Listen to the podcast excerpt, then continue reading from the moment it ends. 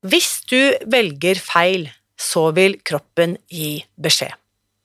Det viktigste du gjør, er derfor å lytte til deg selv, ifølge karriererådgiver Laura da Silva.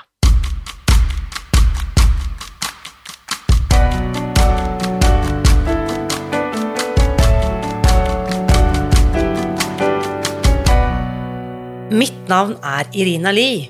Jeg er journalist og forlegger, gründer og sosial entreprenør. I 2015 spiste jeg meg fri fra overvekt og fedme etter å ha slitt med vekt, kropp og følelser i nesten 30 år. Etter at jeg knakk koden, ga jeg meg selv et nytt oppdrag – å dele denne kunnskapen med alle som trenger det. I denne podkasten kan du derfor høre hele lydboken Spis deg fri. Den finner du ved å bla deg tilbake i arkivet og lytte til første sesong. Hver uke inviterer jeg nå gjester som gir deg påfyll til hodet, hjertet og magen. For min visjon er å endre Helse-Norge, og det får jeg ikke til alene. Du bidrar ved å abonnere på podkasten, skrive en omtale i iTunes og tipse meg om hvem jeg burde invitere hit. Da setter vi i gang med ukens episode. Du har helt sikkert hatt den følelsen at noe kjennes litt off, eller ikke helt sånn som det skal være. Kall det gjerne feil, eller det er i hvert fall ikke riktig. Denne følelsen har du kanskje hatt enten det gjelder i forhold til relasjoner, studier eller jobben din. Og den følelsen, la oss kalle den magefølelsen, den kommer vi til å snakke mye om i dag, når jeg har invitert karriererådgiver Laura da Silva til å ta en prat om noe av det vi bruker aller mest tid på i dette livet, nemlig jobben vår. Her er ukens gjest. Kjære Laura, velkommen til podkasten! Ja, tusen takk. Veldig hyggelig å bli invitert til å snakke om noe som jeg brenner for, Ja. som karriereveiledning.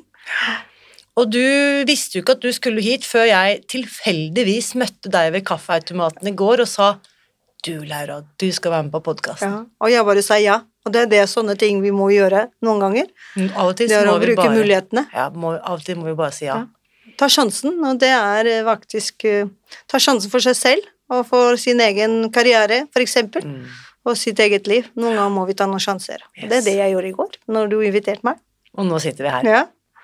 Du, kjære, vi skal, jeg skal fortelle litt mer om hvordan vi to kjenner hverandre, men kan du ikke før vi begynner fortelle litt om deg selv? Bakgrunnen din og hvor du kommer fra? Ja, jeg er opprinnelig fra mm, Portugal, men jeg har bodd her lenge. Bodd i Norge i 34 år. Og mm, ja, så når det gjelder karriere, så har jeg jobbet i mange forskjellige steder eh, i Oslo. Jeg har bodd stort sett, eller jeg har bodd kun i Oslo siden jeg flyttet hit. Ja. Um, jeg har jobbet som leder tidligere, og utdannet fra universitetet og fra BI. Og så er det for fire år siden så begynte jeg å, å tenke at nå må jeg starte for meg selv, og da det jeg mm, valgte, det er noe som jeg trives veldig godt og brenner for, det er karriereveiledning, da. Yes. Så det er det jeg gjør i dag. Karriereveiledning for bedrifter og for enkelte private personer. Ja. Mhm. Og jeg husker nemlig den dagen for fire år siden da du kom inn her Ja, og flyttet inn i korridoren der hvor jeg også har kontor. ja, Så vi er kontornaboer, ja, ikke sant? Så hyggelig. ikke sant? Og nå har du vært her i fire år, Ja. og det virker jo som om businessen går bra. Det kommer jo folk inn og ut hele tiden og skal på karriereveiledning hos deg. Ja, det går veldig bra. Um, men det er alltid noe å tenke på at uh, tingene skal bli enda bedre. Det er klart. Vi må alltid nå sånn små eller store ambisjoner om å gjøre det bedre enn vi gjør i dag. Og det er med alt, da. Enten er det med helse eller med karriere eller valg av jobb og, Mm. eller hva det er, da. Alltid tenke at det er alltid potensial for å bli bedre. Mm. Velge nye muligheter og nye måter å gjøre ting på, da. Så hvis du tenker tilbake på din Altså, jeg tenker for min egen del. Min karriere, hvis man skal kalle Ja. det det, er jo veldig mye tilfeldigheter. Veldig mye muligheter som jeg takket ja til, eller som jeg takket nei til, eller ikke sant. Mhm. Så veien blir til mens jeg går. Hva med din karriere? Hvordan, hvor målrettet var du da du som liten jente i, satt i Portugal og, Ja. og planla livet ditt? Altså, jeg er ikke så mm, Jeg tenker tilfeldigheter ikke så 100 Jeg tenker at når du er eh, ungdom og velger noe du liker, for eksempel at jeg, i, i mitt tilfelle så jeg ønsket alltid å jobbe med mennesker som trengt eh, si, hjelp med forskjellige ting. Jeg jobbet mye med ungdom eller barn som bodde i en by som ikke så sjøen, så jeg koordinerte arbeid for veileder skulle hente barnet og i sitt eget eh, hva skal vi si, eh, bosted, og tok dem til strand, da. Oh, ja. Så, sånne ting at menneskets behov for å kunne hjelpe og bidra noe positivt innenfor samfunn, så var det som jeg brent for, da. Og det, det har eh, tatt meg hele livet, forskjell, i forskjellige jobbsammenhenger, da. Så, mm, så den har jeg tatt med hele. At, den røde tråd. Den røde tråd. Og så det vi må se, liksom, hva er det egentlig vi har gjort, som er et felles rød tråd, som du sier.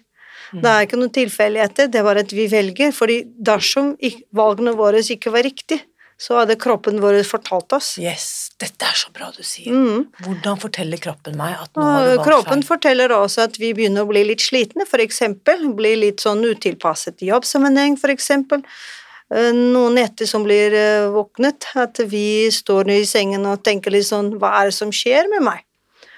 Eh, Hva er en grunn at jeg ikke trives så godt? Så, mm, ja, den kan starte der, at du mistrives. Du begynner å liksom bli litt treig i arbeidsoppgaver, at du syns ikke er så gøy. Så det er bare så små signaler som vi får gjennom kroppen og øhm, følelser, da. Så det du sier, at hvis du velger feil, så gir kroppen beskjed. Da gir kroppen beskjed. Og da er noen ganger så gir kroppen beskjed så mange ganger at vi nesten ikke merker det til, men vi lar det ligge. Vi lar det ligge. Dette går seg til, sier vi de fleste. Jeg sa også. Eh, Jeg jobbet i et arbeidsplass eh, over ti år, og jeg ble for lenge. Fordi jeg elsket kollegene mine. Og du det elsket det- jobben, men du elsket kollegene. Jeg elsket jobben delvis, men kollegene, miljøet var så bra. Var, den kompenserte den, eh, hva skal vi si, mitt forhold til arbeidsoppgaver. Mm. Til en dag kroppen sa nei, nå må du Og da fikk jeg en del, hva skal vi si uh, For eksempel, jeg fikk tinnitus, da. Og da var det okay. mange som ok, tinnitus. Og det var litt også fordi jeg strev med Jeg var stresset, ikke sant. Jeg hadde litt stress i kroppen. Um, men det, det visste jeg ikke det. Jeg bare sånn, um, og så begynte å lese opp litt, og vært på en sånn Hva heter det At du skal håndtere kognitiv, da. Og da sa de jo, for det er livet ditt som ikke er helt på plass. Og når jeg begynte å tenke på det, så var det noe å, å endre på, da. Så jeg tror at kroppen vår forteller oss veldig tidlig, men vi lar være å, å tenke på det, da. Ja. Det går seg til, da. Så jo tidligere du tenker på det, jo bedre blir det. Mm. Men det er ikke så enkelt da, for mange å bytte bare jobb. da. Det er Nei, ikke mange eh, oss, eller å, det er ikke lett å endre kosthold, eksempel. Det er ikke lett å begynne å trene. Det er, altså, alle endringer tar sin tid. Alle endringer er ikke så enkle. Men um, får du riktig hjelp, og ønsker hjelp for det, så vil du kunne klare det, Mm. tenker jeg da. Jeg tenker jo helt likt. Og jeg vet også at endring kan være veldig, veldig skummelt. Og i Spis deg fri så er en stor del av tankegodset vår hentet fra 12 step philosophy, eller tolvtrinnsfilosofien, og der Mm. sier vi at det er bedre med et kjent helvete enn et ukjent paradis. Ikke sant? Sant? Vi foretrekker et kjent helvete, for det føles trygt. Mm. Så jeg vet at selv om ikke jeg trives i denne jobben, så kan jeg det i hvert fall. Jeg vet sant? hva som venter meg, det er forutsigbart, jeg har kontroll. Mm. Men hva skjer hvis jeg slutter i jobben Ja. og skal søke nye muligheter? ja. Det er jo kjempeskummelt. Ja. Så selv om drømmejobben kan være der fremme, Mm. og jeg ville kanskje fått det bra, så tør jeg ikke. Mm, Men det er jobben, og det er smarten. Og mennesker er ikke skapt til å smerter. Ikke sant? Og så alle endringer skaper smerter i kroppen. Smerter, ja. Og Og det ubehaget er Det er ubehaget er smerter, ikke sant. Den derre å kunne bli i smerten og bli i ubehag. Det er det som er kunsten. Fantastisk. Og jeg visste ikke at det var så store paralleller mellom kostholdsendringer og karriereendring. Det er helt identisk. Nei, men det er om endring. Det er, er karriereveiledning, karriere, endring i karriere, eller om å søke ny jobb. Eller om å endre kosthold. Det er veldig mye parallelt, for det er- handler om endringer. handler om menneskets på mange måter beslutninger om noe nytt. Noe som gjøres bedre, som gjøres noe godt, da. Um, jeg, mange, jeg får mange kunder som eh, kontakter meg, og nå vil jeg ha meg en ny jobb, da. Ok, setter vi i gang prosessen om å veilede og kartlegge. Um, og så er det mange som ikke endrer karrieren sin der og da. Fordi endring tar tid. Endringsprosessen trenger egentlig en del tid. For ok, nå vet jeg, jeg er bevisst på at jeg kan bruke min kompetanse for å få meg en ny jobb, fordi jeg gjennom karriereveiledning har fått de verktøyene. Nå vet jeg hvordan jeg skal søke en jobb, nå vet jeg hvordan jeg skal skrive en god CV, nå vet jeg hvordan jeg skal analysere stillingsannonse.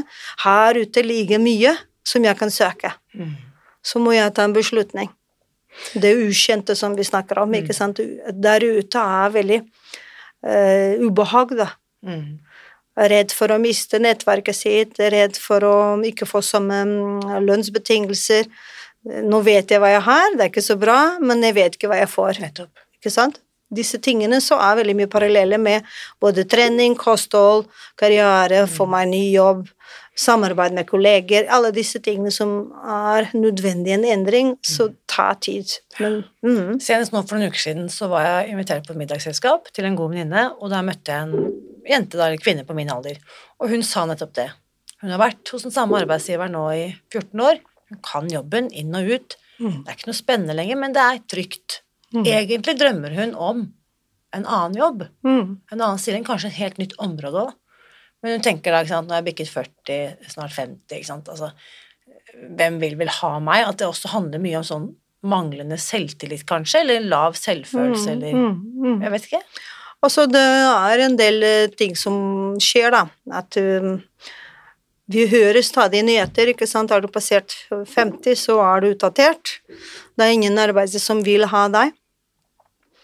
Og det, og det kan skape en usikkerhet hos mange som har jobbet i samme arbeidsplass eller samme jobb over mange år. Og så er det sånn når vi har gjort en ting, det går litt på vanner.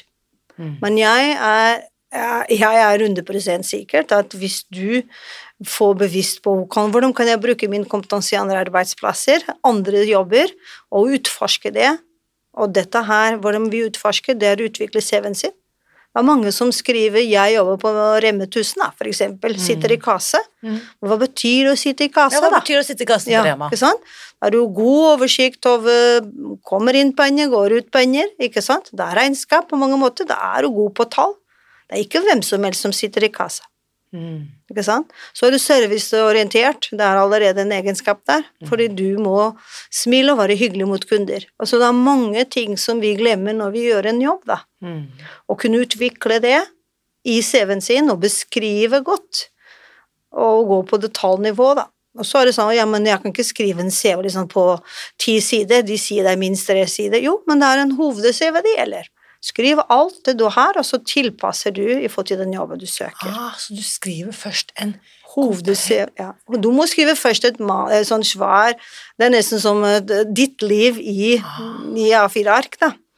Hva du har gjort og ikke gjort, det du har gjort, da. Ikke sant? Så er det mange som har hull i CV, men det trenger vi ikke å snakke om det, men det, ikke sant? Men det er eh, de som har mye kompetanse og mange års erfaring, det er jo viktig å skrive det i CV-en hva jeg har gjort, da. Mm. Og hvis jeg eksempel, sånn som jeg da, jeg eh, er fritidsdykker, elsker å dykke, har gjort det i mange, mange år, er det da også kanskje noen egenskaper som kunne vært spennende å utforske i en sånn CV? Selvfølgelig. Ja. Og det er bare å vise at du er uredd, ja. ikke sant? At Ja. du er Du kan stå i kanskje litt vanskelige situasjoner, for å være dykker er faktisk veldig alvorlig hvis du kommer i en ulykkessituasjon. Hva skal du gjøre? Mm. Ikke sant? Du er en, kanskje en um, Du er god på metode. Hva er det du skal gjøre? Hva som er først? Og, eh, ikke sant? Så situasjon, farlige situasjoner vil du kanskje håndtere. Hvis du møter noe i undervann, da, hva du skal gjøre Nå snakker vi her, det er ikke noe hei her, da, men, men sånn det er mange ting som kan skje, da. Oksygenmasken, øh, rør som ikke fungerer, så du er forberedt mentalt, hva skal du gjøre? Mm. Og det sier mye om deg, da. Jeg kunne aldri gjort det. Nei, Og det sier mye om mine egen egenskaper, at jeg er uredd på andre måter.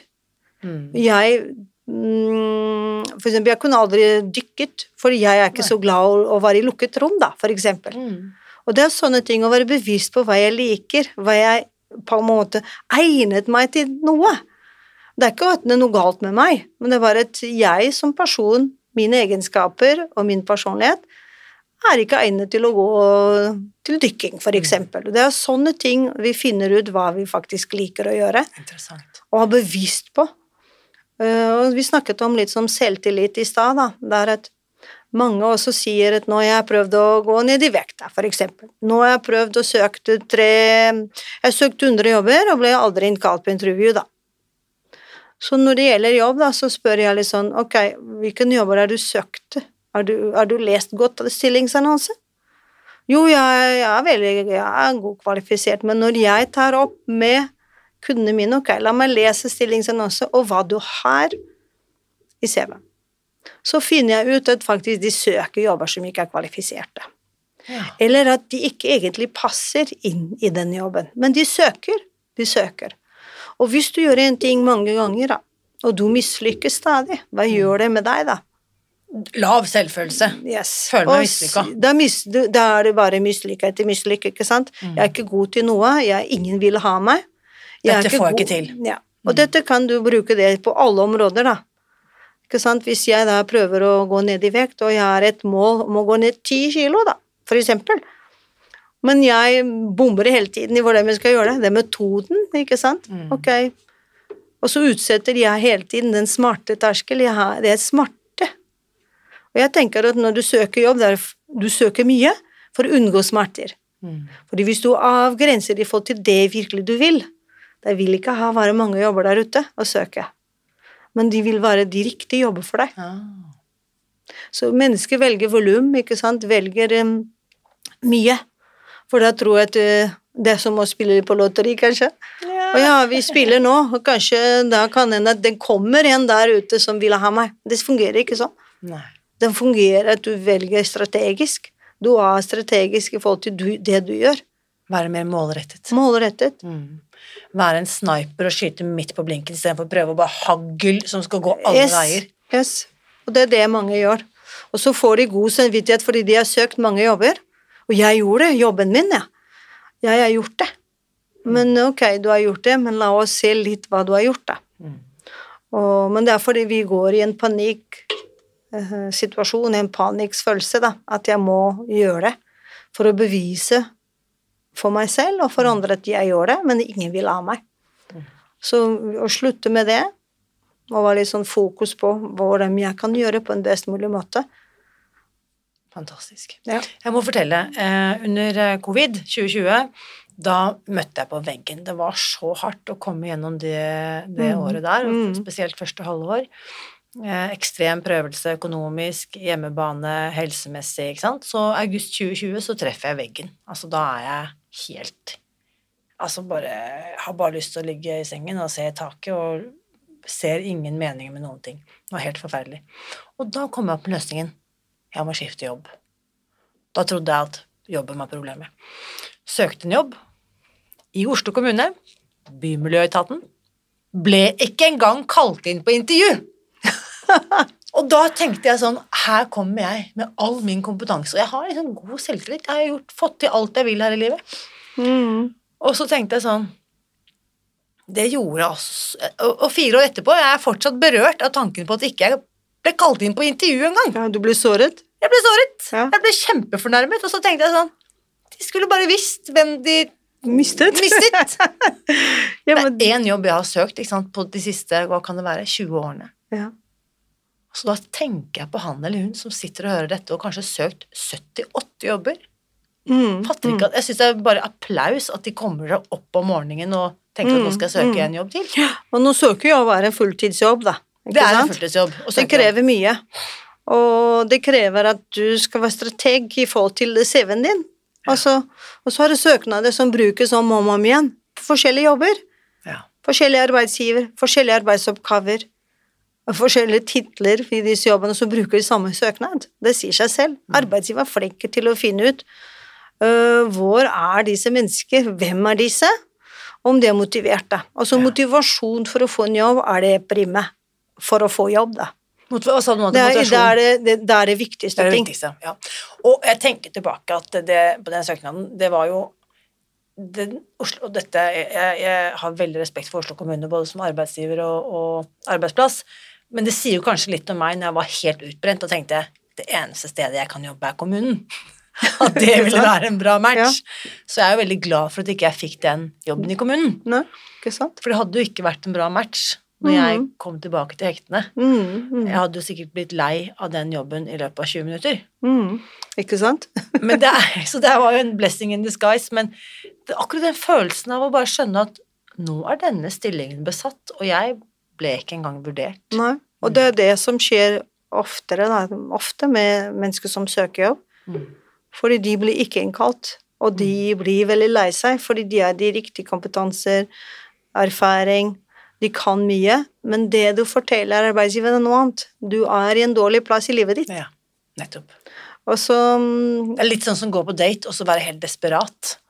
Kanskje. Det er ikke veldig attraktivt. Eller at du, for, at du forteller en ting i, i CV-en din og sier noe annet i, i søknaden, da. Jeg vet ikke om det er ikke sant at du kanskje skriver at du er 1,80 og du er egentlig 1,70. Du skjønner hva jeg mener, så det er dårlig. Eller at du er At Jeg tror ikke du bruker briller på bildene, og så er det Bruker du briller, eller et eller annet sånt. Skjønner jeg? Så for eksempel når jeg snakker med kundene mine, da Jeg ber dem at de skal ha bilde, da, Ja. på CV. ja, det er interessant. Hvorfor det? Fordi jeg mener at eh, det viser hvem du er. Altså, ikke nødvendigvis at du er pen eller stygg, men du, det, er, det er meg, det er et menneske som står bak en papir, et papir. Da. Det er en person som faktisk eh, ser sånn slik ut. Men igjen, det jeg sier til dem, da, til alle, det er at du må ikke finne på å ha et modellbilde, da. Nei, Altså, mange tar bilder helt til brystet. Du viser litt brystet. At noen er bak, de tar bilder med kåpen sin, med skjerf f.eks., med bygning. Jeg har vært, på, jeg har vært i New York f.eks. og tatt et kjempefint bilde med mange bygninger. Så det, de bruker det på CV. Det går ikke an. Nei. Hvordan bildet skal, hvordan Altså, skal det bildet bildet se skal ut? tilpasse. Hvis du jobber, du skal søke en, en lederjobb, så skal det være en formelt bilde. Ja. Jakke, bluse eller skjorte. Samme antrekk som du ville hatt på deg en sånn type jobb. Så de skjønner at her er det en som Ja, har skjønt det. og så er det sånn, tar du et bilde for tre år siden, så ikke bruker det bildet der. Du må ta et nytt bilde, hvordan du ser ut i dag. Så er det mange som bruker hestehale da, da, til daglig, og så tar de et bilde uten hestehale, da, for eksempel. Så fint og flott, og så går de på intervju med hestehale. Det stemmer ikke med det du fortalte meg i CV-en. Ah, så Så vi må være troverdige, vi må fortelle den virkelig hvem vi er, Mm. Gjennom bildet. Så ikke nødvendigvis det samme bildet som du legger ut på Tinder. Nei, jeg tror ikke det.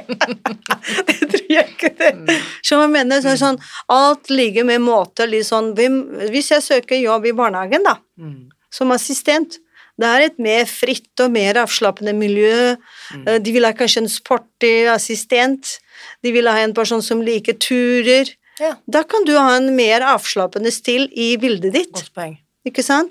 Men, sjø, men søker en ledig jobb, kan ikke ha sånn treningstøy. Du skjønner, du, det er dette her som er viktig. Ja. Og ikke sånn ha, så er det du har masse blomster bak deg fordi du har vært på en fest og noen har tatt et bilde, og du ser kjempebra ut i et bilde. Å, jeg bruker den, for jeg ser kjempefin ut. Det er ikke det vi snakker om. Vi snakker om et profesjonalitet. Og vise troverdighet i bildet, hvem jeg er som Ja. person, da. Mm. Okay? Og det er jo veldig lite som kommuniserer mer effektivt enn et bilde. Ja. Så man kan jo få et førsteinntrykk bare ved å se på et bilde. Mhm, Han mhm. eller hun er sånn eller sånn. Ja. Ja. Ok, spennende. Så det betyr eh, Av de som kommer til deg, Laura, Mhm, hva vil du si er eh, Jeg kjenner jo flere som har gått til deg også. Ja. Eh, det, hva, hva slags aldersgruppe snakker vi om? Og vi snakker om, om eh, fra 18, 18 og oppover. Mm. Uh, Den største gruppen er voksne til og med 55. Ja. Også, Mellom 30 og 55, Ja. eller? Mm. Og så er det, det går litt sånn i faser. Nå har det veldig mange ungdommer, fordi de skal søke skoleplass. Eh, mars og april. Så er det mange ungdommer, da. Sånn fra videregående 18 år oppover til og med 20. 21. Mm. Eh, og så er det Men hele året er voksne, da. 25, 30 til 55. Ja.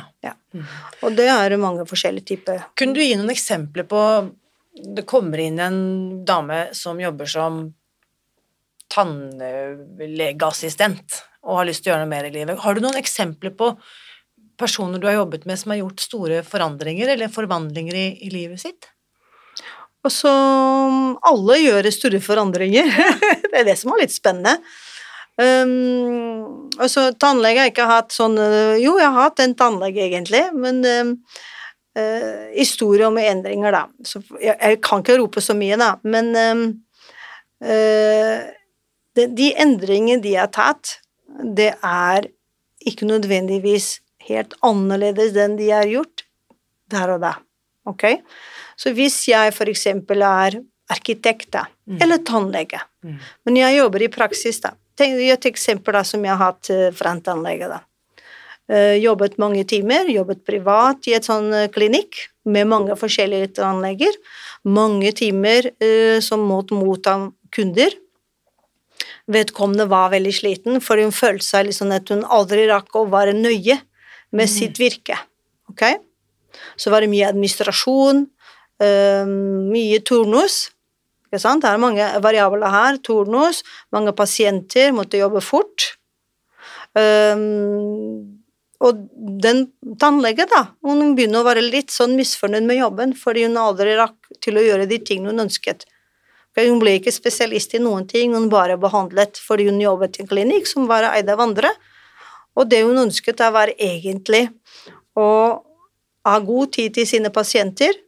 Men hvordan skal vi gjøre det, da? Mm. Mm. Det er ikke så lett. Det er ikke så lett. Nei. Og noen ganger så er det sånn at det er ikke selve jobben, men det er arbeidsplassen. Mm.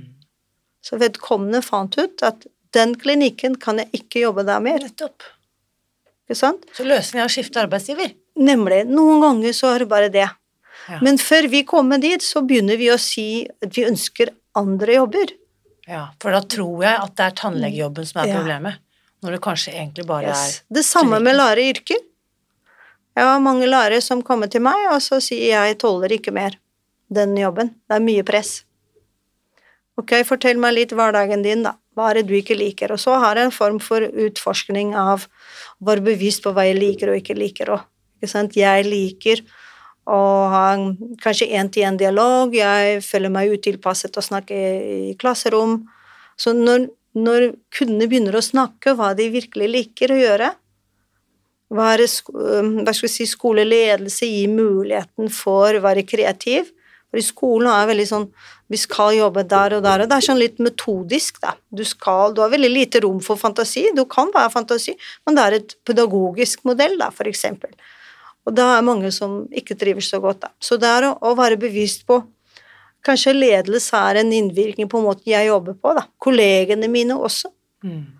Og det er noen ganger bare å si ok, jeg jobber, liker faktisk undervisning, men ikke med ungdom, da, for eksempel. Mm. Det krever mye. Kanskje jeg sikter på å være veileder på en annen måte, eller være underviser på en annen måte. Så det er den prosessen om å være bevisst på hva jeg liker, hva jeg virkelig brenner for i en jobbsammenheng, Ja. som gjør at du kan velge fritt der ute.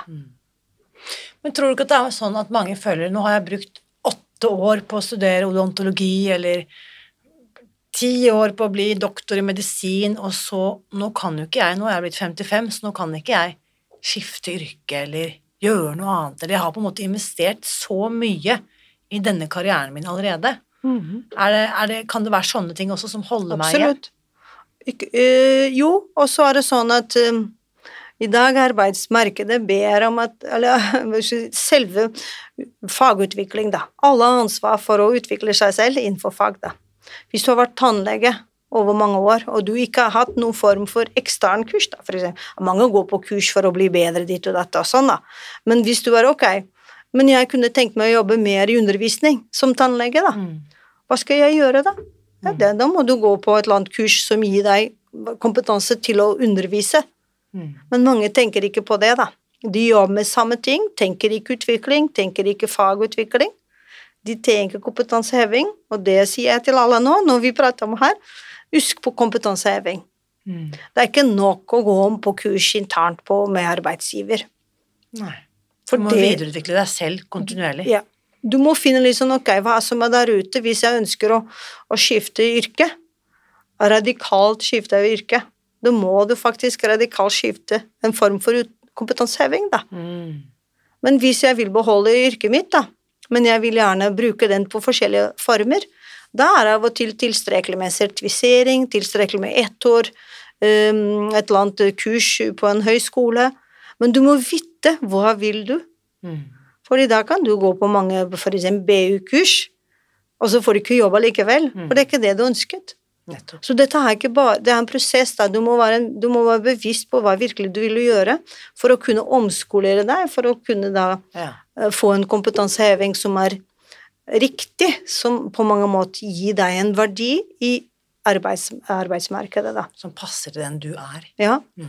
Så er, alle kan videreutvikle seg, være klok nok, være som der ute i markedet trengs, for eksempel. Det er mange som sier de må være strateg, da. Hva er det de ber om nå? Nå snakker vi om den grønne skiftet, ikke sant? AI, artificial intelligence, hva skal vi bruke den til? Hva skal jeg bruke meg selv til? De nye jobber som kommer. Det er Ja. mange som ikke tenker på det, men det kommer en revolusjon snart om nye jobber som de skal ha, som vi har behov, som mange kanskje burde begynne å tenke på. Hva er min plass inn i den utviklingen, da? Og det er interessant det du sier, at eh, veldig mange vil jo høre for eksempel eh, effektivisering eller AI og tenke sånn og da blir det enda færre jobber, enda vanskeligere for meg. Men Mm. egentlig det du sier, er at det også åpner for mange nye muligheter. Absolutt. Vi vil ha behov for at eh, de må Hva skal vi si For å håndtere den endring må vi ha mennesker som er kompetente for å følge med.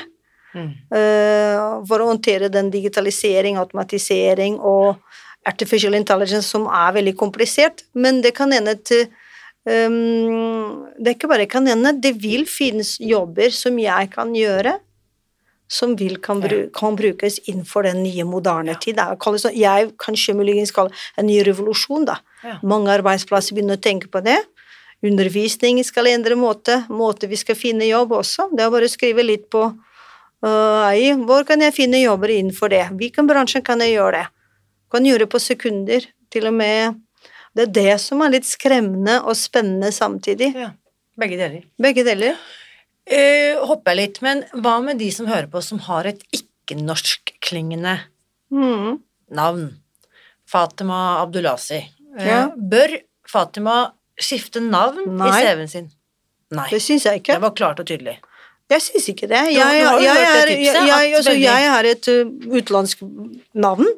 Laura da Silva. Jeg kunne vært uh, argentinsk, jeg kunne vært chilensk, jeg kunne vært uh, fra Sør-Amerika, alle andre land, da. Jeg er fra Portugal, da.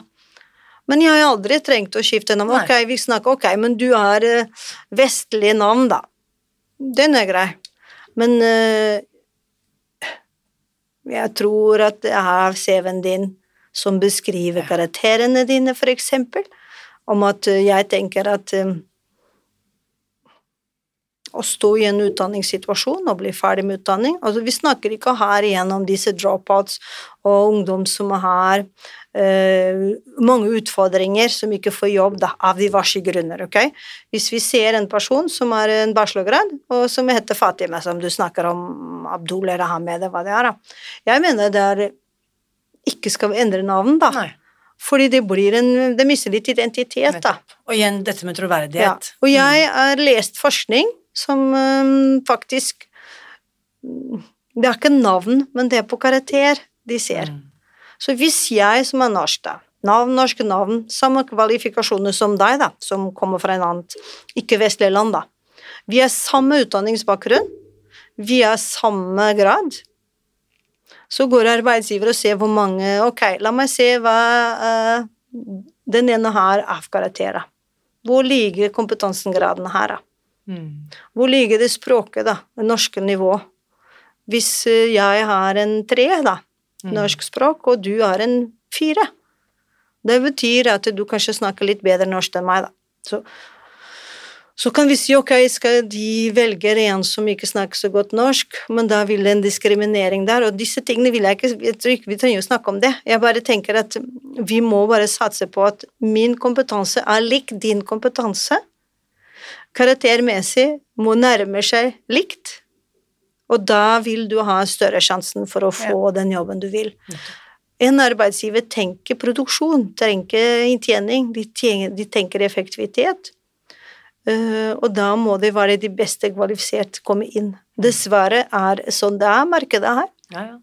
Absolutt. Og så er det, ikke sant, også hvis jeg har dårlig karakter fra ungdomsskole oppover, men jeg har klart meg med en tre, da, eller en, en C, så kommer en student som har fått eh, D eller C og B-er. Det sier seg selv at eh, Og dere har helt likt på mange ting, da. Da velger arbeidsgiver de Det er best er karakter. Ja. Og så tenker jeg litt på de som eh, To yrkesgrupper som jeg tenker på nå. For det første disse her som kanskje er 55 Mm. og ikke har så mye utdanning. Eh, ikke sant? De ulike grunner har falt litt utenfor, da, ikke sant? men har klart seg greit i yrkeslivet. Finnes det på en måte håp for dem òg? Når de faktisk da får hjelp til å synliggjøre hva slags kompetanse de har, selv om ikke de kanskje har så mye skoleutdanning? Og så hvis de ikke har mye skoleutdanning, så i utgangspunkt er de en lav uh, statusyrke, da, som vi kan si, da. Lav, lav yrkes uh, som ikke krever mye utdanning, uh, som renneholder, eksempel. Eh, dette er sånn Vi kan si det er lav yrke, da. Du må ha en kompetanse for å kunne rengjøre. Og så er det disse mm, butikkmedarbeider eh, på alle nivåer, da. Det krever ikke, de krever videregående, Mm. ikke sant? Um, om det finnes håp for dem i framtiden, kanskje ikke. Mm. Hvis ikke de kan ha en kompetanseheving på andre ting. Men det er aldri for sent å få seg kompetanseheving heller. Nei, jeg syns ikke det. Og så er jeg, jeg tror at um, Igjen snakker vi om smarter, ikke sant? Hvor smartefull er for meg å ta en videreutdannelse. Ja. Hva jeg skal gjøre nå for at jeg skal ta et kurs. Og så har jeg, vi må snakke oss om noe annet òg. Det er ikke alle som har økonomi for å videreutdanne seg, da. ja. Ta et kurs koster uh, Kan ikke ta fri fra jobben for å gå og utdanne meg. Så det er litt sånn mange ting som kan hende indre meg. Men igjen så har vi digital undervisning også. Fins mange digitale plattformer som du kan ta kurs da. Små kurs. Men jeg sier alltid Tenk to ganger hva du, hva det du sikter på, da. Bruker du 10 000 kroner, da, for eksempel, for et kurs som er digitalt, hva skal du bruke den til? Mm. Så for meg er det viktig at før jeg en, øh, gjennomgår en kompetanseøving, så jeg må tenke nøye hvor jeg skal. ja. Hva er målet mitt? Hva er målet? Hva, er jeg, hva besitter jeg i CV-en min? Hvor mange års erfaring innenfor dette fagfeltet? Um, altså, jeg har hatt øh, kunder som har veldig lite utdannelse og har jobbet i et spesifikt yrke, og så vil de er slitne, de vil ha noe annet. Og det er ikke mye der ute for dem. Og så foreslår jeg kanskje en, um, et kurs eller to, ikke sant, en kompetanseheving. De har ikke råd til det, da. Mm. Og det er de mennesker som også faller utenfor. Mm. Mm. Ikke sant? Som har jobbet lenge, men de blir slitne av forskjellige årsaker eller mister jobben. Så disse menneskene må Hva skal vi si, hva gjør vi? Altså, arbeidslivet ja, kan være litt sånn pessimist, men arbeidslivet, arbeidslivet er veldig lite rom for disse menneskene der ute. Men jeg tror at den endring av måte å tenke på hvordan vi kan ansette mennesker, eh, behov de skal ha for eh, håndtering av AI, eksempel, kan hende det er rom for dem, da. Det er eh, ja. Men jeg tenker jo også ofte dette i forhold til økonomi, da. Av og til så tenker jeg sånn Har jeg råd til å ta det kurset? Har jeg råd til det? Det er veldig mye penger som jeg må betale nå, her og nå, ikke sant. Mm. Men da er ofte spørsmålet jeg stiller meg selv, er har jeg råd til å la være? Hva skjer med livet mitt hvis ikke jeg tar dette kurset? Mm. Mm. Og vil gevinsten der fremme kompensere, eller helst da, gi meg enda større gevinst? Mm. Mm. Så det tenker jeg også er å tørre å se utover her og nå. Mm. For av og til er det vanskelig å vurdere livet mitt basert på her og nå. Mm. Mm. Men liksom gi meg selv litt sånn fugleperspektiv. Hvis jeg investerer denne etterutdanningen for 10 000 kroner, Mm. hvis det betyr at jeg kan få en ny jobb, Mm. 10 000 Absolutt. i økt lønn er jo for de fleste Mm, mm. veldig realistisk. Og så det jeg pleier å gjøre da, med kundene mine, det er at um, de sier ja, ja, kanskje jeg kunne tenkt meg å videreutdanne meg, da. La, la oss se på skoler, da, sier de. La oss se oss på kurs. Og da da sier jeg til alle først må vi finne ut hvilken jobb du skal ha, Mm. Ja. ikke sant? Og så skreddersy kursene. La oss se om at det er rådgivning du ønsker å jobbe i. Ok, hva slags type rådgivning du ønsker? Er det offentlig? Er det um, næringslivet? Hva er det egentlig du Mm. vil? Og så går vi gjennom stillingsannonse om innenfor det fagfeltet de vil jobbe i. Ok, en prosjektleder som har ansvar for et prosjekt, da. Det, hvilke kvalifikasjoner arbeidsgiver ber om? Mm. Og så, ja, de ber om eh, prosjektledelse, de ber om at du har økonomiansvar, og så går vi gjennom mange, mange stillingsannonser for å se egentlig hva som røres i markedet. Og så kommer de fram Å ja, men den jeg mangler dette her. Ja. Jeg vil jobbe innenfor dette området, Yes. så det er dette kurset jeg skal ta. yes. Skreddersøm. Ja. Så det, det bringer meg til spørsmål nummer to, som jeg også vet er veldig relevant for mange. Det er Jeg vet ikke hvor mange sykepleiere, helsearbeidere, på en måte mennesker, veldig dyktige, engasjerte mennesker innen Helse-Norge som rett og slett er helt utmattet. Mm. Og jeg hørte nå, på rett over nyttår nå, i januar, at uh, helsearbeidere er det som er, har flest ledige stillinger på finn.no. Mm, det stemmer. Så jeg tenker eh, Jeg kjenner også personlig flere sykepleiere som har hoppet av og blitt noe annet, gjør noe annet. Mm. La oss si at du har en sykepleierutdanning i bunn, og du tenker at nei, jeg har tre barn, jeg orker ikke jobbe turnus, det er et forbanna kjør, det er bare å piskes rundt. Hvordan kan du veilede de til å kanskje For det var jo en grunn til at de ble sykepleiere in the first place, de elsker kanskje jobben sin. Du var litt inne på det i stad, men Mm, mm. Hva, hvordan jeg veilede dem? Ja, så hvordan kan Finnes det noe Hvilke teknikker eller tanker kan de Eller under, hva kan de undersøke for å se om de kan få bruk for helsefagutdannelsen sin? Eh, igjen så er det i gang eh, som jeg, som jeg pleier å gjøre. Du må kartlegge først interessene. Mm. Altså, du, du går ikke noen vei å kartlegge. Hvis jeg som sykepleier da, jobber i intensivavdeling, er det mange timer, det er, eh, hva skal vi si eh, Mye teknisk, det, er mye, det krever mye av meg, oppmerksomhet, jeg blir sliten og mye turnus, da. Så første ting jeg spør deg om, hva er det du liker best i jobben din, da? Jo, jeg liker å ha litt sånn pasientkontakt, jeg liker å følge dem, jeg mm, liker å ha den der medisinhåndtering. Og så, ok, men hva er det som du ikke liker så godt, da? Jo, det er turnus, da. Turnus er veldig slitsom. Den preser. Den redselen om å gjøre feil, da. Ok, så å kartlegge hva er egentlig de vil liker i jobben sin, da. Mm. Ok, hvor finnes der ute de jobbene med den kompetanse du har, med de tingene du liker best, da? Ja. Kan noen si ja, men det er veldig få jobber, da, men vi, nå må vi utvide horisontene. Mm. Og så gjennom en kartlegging som er en litt dypere kartlegging, kartlegging som jeg sier nå, da, gjennom en test for eksempel, um, finner ut liksom hva er egenskapene dine, hva er egentlig talentene dine, altså det er mye som jeg kartlegger før vi kommer til målet, da. Nettopp. Men først og fremst å ha bevisst, bevisstgjøring på hva jeg virkelig Ja. liker å gjøre Ja. i den jobben jeg gjør i dag, da. Veldig bra. Fordi vi gjør ting som vi liker. For ellers hadde vi ikke blitt så lenge i den jobben. Et spørsmål avslutningsvis, Laura. Råder du noen til å bli selvstendig næringsdrivende? jeg, altså, øh, ja, hvis du brenner for saken. Hvis du er villig til å jobbe døgnet rundt.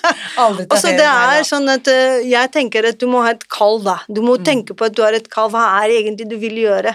Er det, hvorfor vil du være arbeid, selvstendig næringsdrivende? Hvis du tenker at jeg bare får tjene mye penger, bare glem det. Glem det. Det glem det. Og så du må brenne for, du må se noe som er større enn deg. Mm. Hva er det egentlig som er der ute du vil gjerne være en del av, da? Mm. Fantastisk. Ok? Så det er um, Og så, ja. Og så litt penger også for å starte eget selskap. Nå tuller jeg litt, da, men du må, ha, du må ha et ønske om å gjøre, og bidra til samfunnet litt på en annen måte, som du har bidratt tidligere, da, tenker jeg. Det var sånn jeg startet med, da. Ja. Fantastisk. Jeg er veldig, veldig glad for at du var så modig å bli selvstendig næringsdrivende. Ja, ikke sant. Mm. I like måte, da. Ja, takk. Så hvor er det vi finner deg hen? Jeg vet at du også jobber med folk på Zoom. ikke sant? Det ikke, du må, de må ikke være i Oslo for å kunne komme Nei, hit. jeg jobber uh, veldig mye online. Jeg, ja. jeg jobber mye Jeg skulle si mitt verktøy for å jobbe, det er mest Teams og Skype. Fordi det er sånn eh, Ja, Teams og Skype. Teams og Skype. Um, og så finner dere, um, de som bor i Oslo, jeg finner dere meg på Bogstadveien 27B. Jeg har en nettside som er kompasskarriere.no. Kompasskarriere.no. Ja. Og så har jeg på Facebook også, har en um, profesjonell side der, på LinkedIn. Så hvis dere ønsker å finne meg, det er Laura da Silva på LinkedIn. Da Tre navn. Laura da Silva. Så finner dere meg. Det er eh, på Google. eh, Hvis dere mm, skriver navnet mitt, så kommer jeg opp med en gang Ja. på Google. Og, Fantastisk.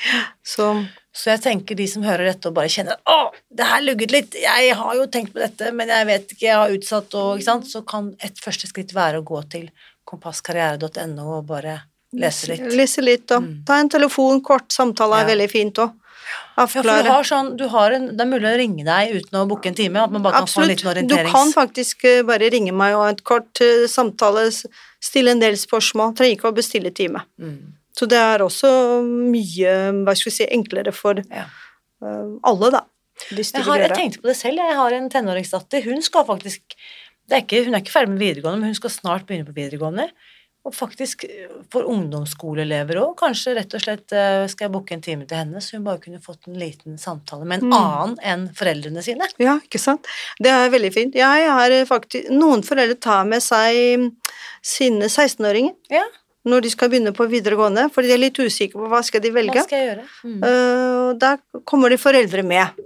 Ja, Og så må jeg avklare om de skal være med på møtet, men det er uansett det foreldre skal komme med. De er, jeg har en tenåring som ikke er helt sikker hva skal velge på videregående. Så det er eh, veldig aktuelt. fint. Mhm. Du, jeg må bare, du har ikke planer om å skifte karriere i 2024, du? Nei, jeg har planer om å gjøre enda flere ting det jeg gjør nå, Ja, så bra. innenfor den uh, bransjen jeg jobber i. Og i dag så har du gjort noe du aldri har gjort før, nemlig å være med på podkast. Ja, dette var spennende. Det var kjempespennende. Ja, ja. Så tusen, tusen takk skal du ha. Tusen takk selv. Veldig hyggelig. Nå lurer jeg på, hva tenker du etter å ha hørt min samtale med Laura i dag? Samtalen etter ukens episode fortsetter som vanlig i den åpne Facebook-gruppen Spis deg fri, så bli med over dit og del dine tanker og takeaways etter å ha hørt dette. Og apropos magefølelsen, jeg har jo snakket om eh, flere ganger hvordan det å spise meg fri fikk meg til å endre min karriere. Jeg hadde jo aldri i livet trodd at jeg skulle holde på med alt det jeg gjør i dag i forhold til Spis deg fri-bøkene, nettkurs, workshops, reiser, jeg vet ikke, og egen podkast, ikke minst. Tro det eller ei, ingenting av dette var planlagt. Det eneste jeg har gjort, én dag om gangen, det er å følge magefølelsen. Og den kan jeg love deg ble mye bedre etter at jeg begynte å spise meg fri. Det var som om intuisjonen min, eller kall det magehjernen, den virkelig våknet etter at jeg begynte å gi kroppen den maten kroppen min trengte, i stedet for å sulte sulte kroppen min med meningsløse slankekurer, pulver, piller og for ikke snakke om alle de håpløse diettene jeg har testet. Så hvis du er klar for å gi dette en sjanse, hvis du er klar for å spise deg fri, eller i hvert fall prøve å teste ut om dette kan være noe som funker for deg, så har vi altså akkurat nå relansert vårt mest populære tilbud gjennom tidene, nemlig kokeboktilbudet, som du finner ved å gå til spisdegfri.no kokeboktilbud. Da får du tilgang på nettkurset to uker som en gratis bonus når du bestiller et fysisk eksemplar av den offisielle kokeboken via våre nettsider. Dette tilbudet finner du altså ved å gå til spisdegfri.no kokeboktilbud. Og det tilbudet inkluderer altså denne store, grønne, fine kokeboken, den offisielle kokeboken. I denne boken så får du altså fargerike oppskrifter til frokost, lunsj og middag for et helt år. Og du finner også matplaner tilpasset deg som enten er vegetarianer eller veganer eller kjøttfugl og fisk eh, eter, uansett pesketarianer eller hva det måtte være. Uansett hvilke preferanser og, og, hensyn du også må ta i forhold til intoleranser eller allergier, så vil du denne boken finne oppskrifter som passer for deg. Og øh, ved å bestille denne boken, så får du altså med dette populære nettkurset vårt to uker som en gratis bonus. Tilbudet det finner du bare ved å gå til spisdegfri.no kokeboktilbud.